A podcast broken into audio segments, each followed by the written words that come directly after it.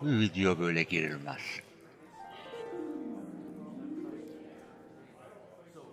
Nasıl girilirmiş Bay Çok Bilmiş?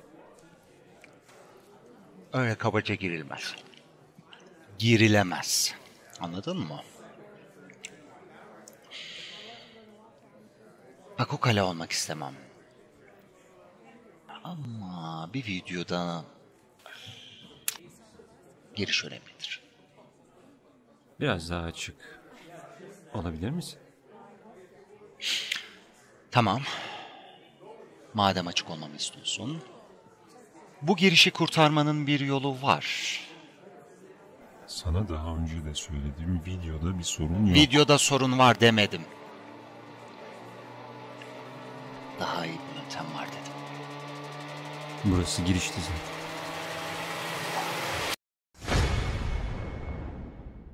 Sinemanın temel yapısı işte belli unsurlara dayanıyor. Görsel açıdan olsun, anlatının kendisi açısından olsun. Ve işin anlatıya bakan kısmının temelinde bir çatışmaya ihtiyacımız var. Çatışma dediğimiz şey hani illaki iki tarafın çatışması değil. Bir puzzle olması gerekiyor işin içinde. Bir bilmece olacak ki seyirci bir şeyi izlerken anlamlı bir şey izlediğini hissetsin. O anlamlı şey çatışma olduğu zaman mevzu zaten siyasetin doğasıyla çok benzer bir hale geliyor. Aynen öyle. Aslında burada en temel orada vurguyu yapan yer bence şu. O çatışmada bir iletişim var. Yani en temel Hollywood filmlerine baktığın zaman bile işte Terminator, Terminator çok mu eksik kaldı? Çok sık kaldı. Ben izlemedim izlemedim.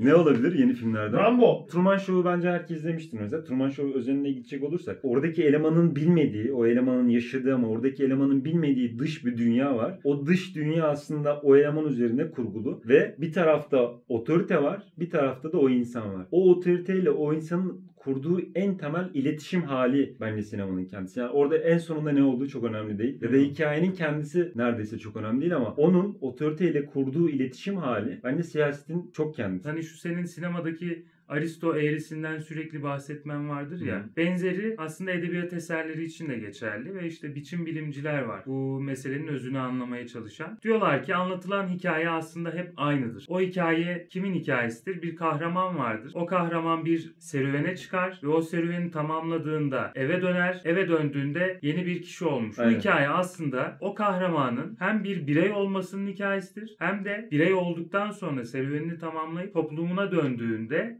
kendisini topluma kabul ettirmesinin hikayesi. Şimdi böyle baktığında aslında bütün masallar Ve çok kolay içselleştirilebilir bu arada Evet. bu hikayeler. Çünkü herkes böyle bir yolculuk yaşıyor başka bir şekilde. Evet evet yani bütün masallar bunun içine giriyor. Dede Korkut hikayelerini falan katıyorsun. Hepsi aynı yapıya uyuyor. Bütün o fantastik hikayeler bunun içine giriyor. Çünkü bir kahramanın hikayesini anlattığında aslında insanlara kendilerinin hikayesini anlatmayı vaat ediyorsun. Herkes o kahramanla kendi arasında bir özdeşlik kurma hissi taşıyor. İlla ki okuduğu bir kitapta kendisini doğrudan ana karakterle ilişkilendirmek zorunda Peki. değil insanlar. Devam var mıydı bilmiyorum ama temel sorum şu. Peki siyaset bunun neresinde sence? İşte siyaset aslında dedim ya bu kahramanın birey olma hikayesinden bahsediyoruz ve bu kahramanın kendini topluma kabul ettirme hikayesinden bahsediyoruz. Burada neler ön plana çıkar normalde gerçek hayatta? Topluma kendini kabul ettirmen toplumun normlarıyla ilişkini düzenleyen şeylerle alakalı değil midir? Evet. Yani erkek sen cesaretini herkese ispat ettiğinde artık sen toplumun bir ferdi olmuş olursun. Bu ne anlama geliyor? Bizim bu masalları üreten veya bu sinemaları üreten toplumlar olarak cesareti erkeklikle özdeşleştirmiş bir norma sahip olduğumuz anlamına geliyor mesela. Yani Ee, burada sinema bizim toplumsal normlarımızı açığa çıkartan bir hatta yer yer şekillendiren sinemanın temel gücü normali belirlemesinde. Yani oradaki kahraman sevgilisine nasıl davranıyorsa bizim buradaki kahramanımız yani işte toplumda gördüğümüz herhangi bir birey bir şekilde etkilenerek sevgilisine veya kız arkadaşına öyle davranmaya belki işte hatta öyle yaklaşmaya çalışıyor. Bu şey gibi emperyalizm videosu çektik ya aslında bu emperyal gücü yaratan şey ve kesinlikle. bir anlamda çok tehlikeli. Yani o çokluluk falan dedik yani. Bunlar bir sinema hükmettiği zaman yok ol- yok olabilecek şeyler neredeyse. E, o zaman Kurtlar Vadisi izleyince ben mafyacılık mı oynayacağım? Oynayanlar var abi.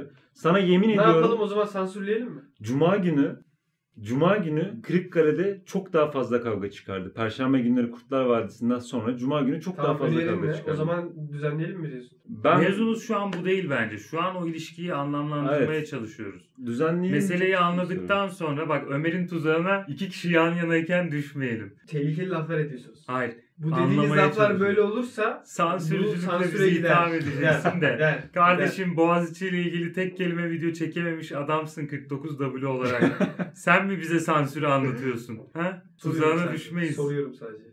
Ömer'in de şunu anlamasını bekliyorum. Özür dilerim videodan çıktım ama. Yani diğeri daha tehlikeli gelmiyor mu sana? Eğer siz bunların safi propaganda ve hayattaki normları düzenleyen bir şey olduğunu düşünürseniz bunları regüle edelim Aksine. Hayır. devamında gelir. Hayır hayır. Bu bir parçasıydı fakat Evet. biz buradan şu noktaya geleceğiz. Sinema tek elden çıkan bir ürün değil. Aslında sinema hem belli bir toplumun normlarını hem de o toplum içerisindeki azınlık kesimlerin öznelliklerini de açığa vurabilen bir sanat dalı. İşe Hı. o öznellikleri paylaşan bir araç gözüyle baktığın zaman aslında sinema gayet de o normları kendi içerisinde yeniden düzenleyebilen bir alana da dönüşüyor. Kibarcası şunu söylüyor. Yani farklılıkları birleştirebilen bir yapısı da var diyor. Sen böyle bir noktada sansürü tamamen reddedersen herkesin kendi normlarını kendince ifade edebildiği bir sinema yaratmış olursun. Ama şunu da demekten kendini alıkoymana gerek kalmaz. Kardeşim sen kendi normlarını bize sinemanla dayatıyorsun. Buradan şuna gel. İlk anlattığınız şuna bağlanıyor aslında. Eğer burada böyle bir güç varsa da iktidar onu kullanır. Tamam. Kesinlikle. İktidar olmayan biri kullanamaz hatta. Çünkü bu işe ciddi bir para Nakit akışı şey yapmayın yapıyor. lazım. Evet, evet. lazım. Para ve regülasyon. Birazcık sondan başladık aslında. Aynen. hikaye. Çok uzaktan yani aldık. sinema ve siyaset arasındaki o doğrudan ilişkilerin konuşulduğu müfredatları beğenmediğimiz için buradan girdik meseleye. Ama başa da dönmemizde fayda var. Yani sinema bir kitle iletişim aracına dönüştü. Kitle iletişim aracına dönüşmesiyle birlikte siyasetin ilgisini çekti. Propaganda aracına dönüştü yani. İkinci Dünya Savaşı öncesi Nazi propaganda videoları, savaş sonrasındaki Soğuk Savaş döneminin propaganda videoları. Bunlar sinemayı hem siyaset için kullanışlı bir araç halinde gördüğümüz dönemlerdi hem de siyasetin sinemanın dilini dönüştürdüğü dönemlerdi. Hollywood sineması dediğimizde aklımıza gelen o 3 aşağı 5 yukarı akışı belli olan filmler o dönemdeki siyasi propaganda filmlerinin beğenilme verilerine göre şekillenmiş ve son halini almış filmler. Evet. Propaganda filmi deyince senin aklına yerli yabancı kimler geliyor? Güzel filmlerden bahsedeyim. Belki izlerler diye söylüyorum. Nürnberg Mahkemeleri diye bir film var. Hı hı. Ee, Amerikan yapımı ve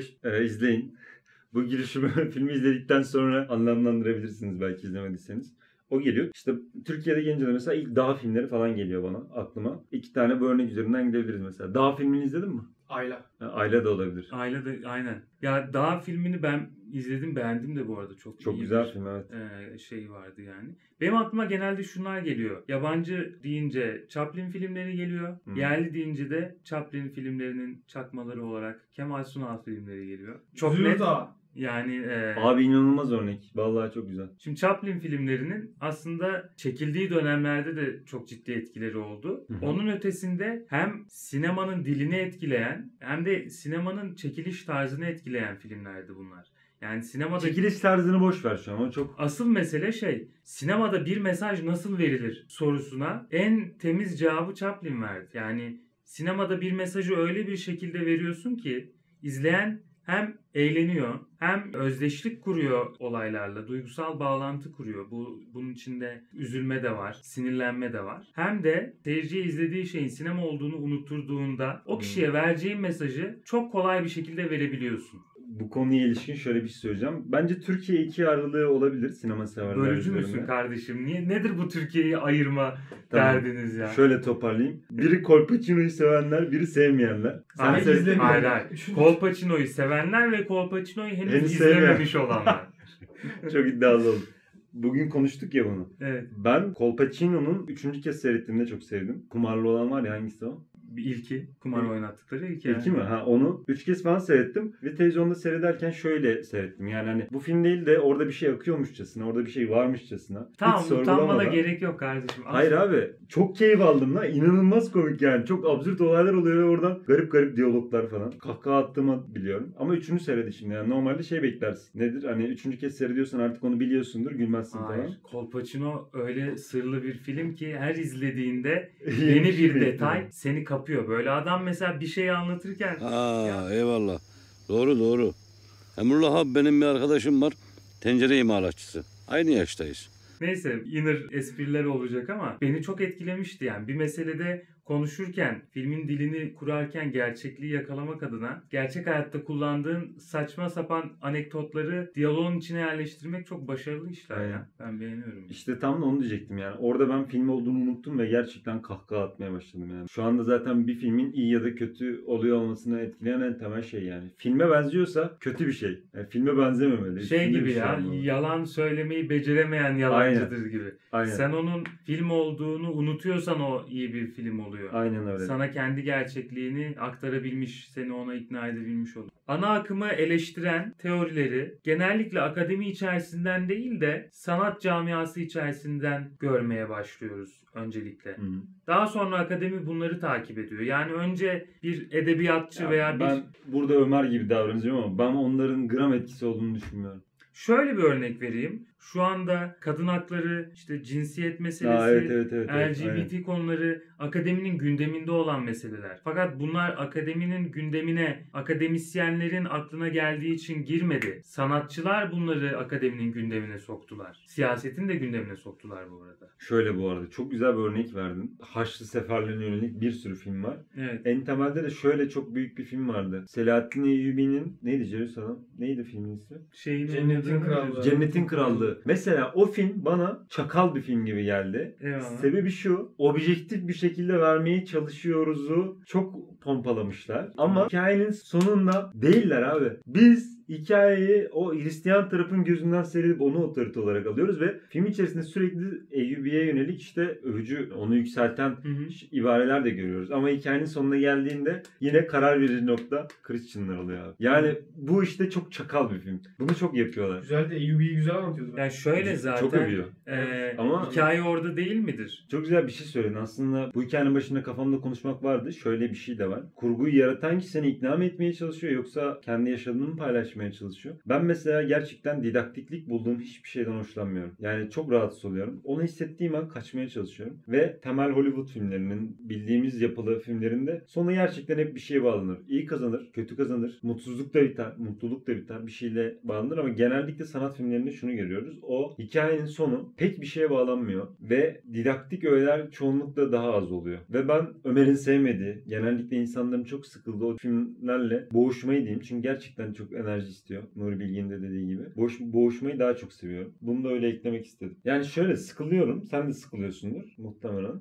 Ya mesela ben şunu hissediyorum. O bir son vererek filme didaktik bir unsur eklemiş olma hissi var ya. Sanat filmleri bundan kaçmak istediği iddiasıyla son yazılmamış filmler çekiyorlar. Ben o işin birazcık da tembellik yani tembellikten kastım Yok Bir canım. son yazamamak değil, bir fikre sahip olmaya karşı bir tembellik olduğunu düşünüyorum. Kardeşim senin bir görüşün olabilir, görüşün olması kötü bir şey de değil. Çok Ee, iddialı bir şey söyledin. ya. Evet. Ya çünkü senin bir filmde kendi görüşünü vermekten utanmana sebep olan şey nedir? Sanki filmin ortasındaki herhangi bir sahnenin senin için didaktik bir anlamı yokmuş gibi o bütün didaktik anlamı sona kilitleyip ben de son yazmadım zaten. O yüzden didaktik bir iş değildi bu demek. O da bir Ben kandırmaca değil midir? O da yani bir şöyle hile değil midir? sonu açık derken Bunu şu- seyirciye sorup kapatalım mı? bir, bir şey eklemek istiyorum. Benim bu konuda ağzım açıldı. Bir başkalarının da sonu açıktı mesela bence. Oradaki açıklık da bence şu. Az önce dedim ya orada otoriteye boyun eğmeyen sadece bir tane karakter